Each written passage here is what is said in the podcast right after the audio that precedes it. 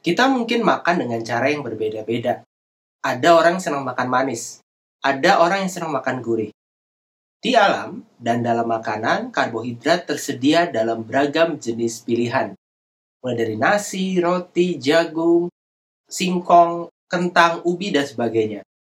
Nah, dalam penggolongannya, karbohidrat itu terbagi menjadi dua jenis. Ada karbohidrat yang sifatnya terproses, dan ada karbohidrat yang sifatnya kompleks.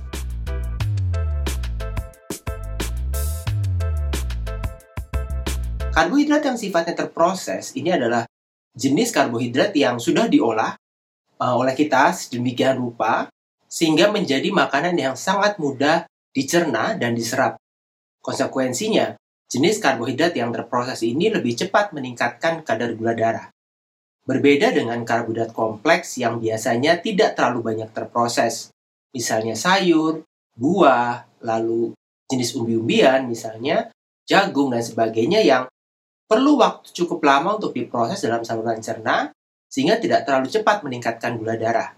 Bahan makanan yang terproses ini biasanya donat, lalu cake, kue-kuean, terus minuman manis, dan makanan manis kebanyakan ini bersifat terproses, mudah dicerna, sehingga lebih mudah meningkatkan gula darah.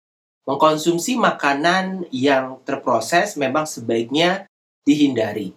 Memilih bahan makanan yang lebih kompleks itu lebih dianjurkan.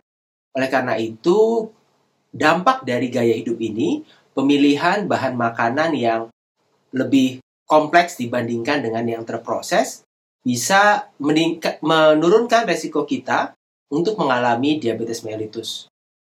Bagaimana sih caranya mengidentifikasi makanan yang kita makan ini cenderung terproses atau kompleks? Salah satu caranya adalah dengan melakukan pengukuran indeks glikemik. Kamu mungkin juga sering mendengar istilah makanan dengan indeks glikemik rendah atau indeks glikemik tinggi. Indeks glikemik ini menunjukkan seberapa cepat gula darah dapat naik setelah mengkonsumsi sebuah bahan makanan. Ketika kamu mengkonsumsi makanan Misalnya makanan yang terproses seperti cake atau minuman manis misalnya, itu akan cepat meningkatkan gula darah dan juga kerasa ya. Lalu kemudian lalu akan cepat turun juga dan karena proses peningkatan gula darah yang cepat ini akan meningkatkan produksi insulin. Sebaliknya, ketika kita mengkonsumsi bahan makanan yang kompleks, maka peningkatan gula darah terjadi secara perlahan. Kenapa bisa berbeda? Ada yang kompleks, ada yang terproses. Kenapa beda dalam meningkatkan gula darah? Karena kemampuan tubuh dalam mencernanya berbeda.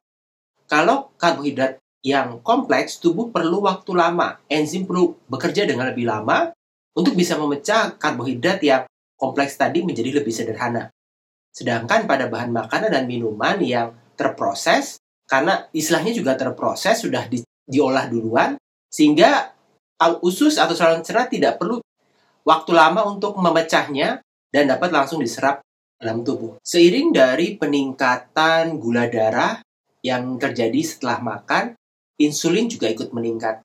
Dan peningkatan ini kemudian kalau terjadi terus-menerus akan menyebabkan tubuh mengalami peningkatan jumlah insulin karena insulin jumlahnya mengikuti seberapa banyak glukosa yang masuk atau gula yang masuk ke dalam aliran darah. Oleh karena itu, menjaga gula darah tetap stabil dengan cara mengkonsumsi makanan dari karbohidrat yang kompleks ini adalah hal yang penting. Karena dengan meningkatnya gula darah secara perlahan, insulinnya juga tidak terlalu meningkat dengan tajam. Ada nih dampaknya ketika insulin meningkat secara terus-menerus. Jadi ketika gula darah meningkat, misalnya kamu banyak mengkonsumsi makanan yang manis, yang terproses dan dengan frekuensi yang sering, maka insulin akan dengan cepat meningkat. Lalu dalam beberapa jam lagi kamu makan manis atau minum manis lagi, insulin meningkat lagi, yang kemudian akan berdampak pada tubuh mengalami peningkatan jumlah insulin. Nah, insulin ini memang penting karena insulin ini bertujuan untuk memasukkan glukosa atau gula yang ada di dalam darah masuk ke dalam sel, misalnya sel otot atau jaringan-jaringan yang membutuhkan glukosa.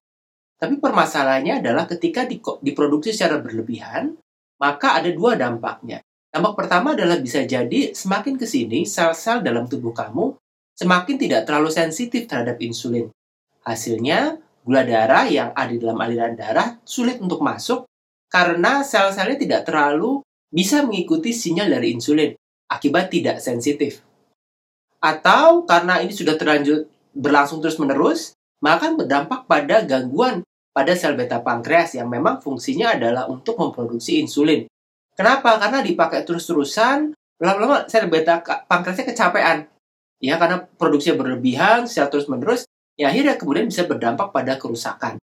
Oleh karena itu, penyakit diabetes jenis penyakit yang muncul uh, dalam waktu yang cukup lama karena proses dari kerusakan ini terjadi secara perlahan dan ketika secara akumulatif terjadi pola hidupnya buruk maka bisa berdampak pada kerusakan baik itu sel yang menerima sinyal insulin yang sering disebut sebagai resistensi insulin atau insulin tidak dapat bekerja dengan optimal akibat sel-selnya memiliki ketidaksensitifan atau tidak terlalu sensitif dalam menerima sinyal insulin.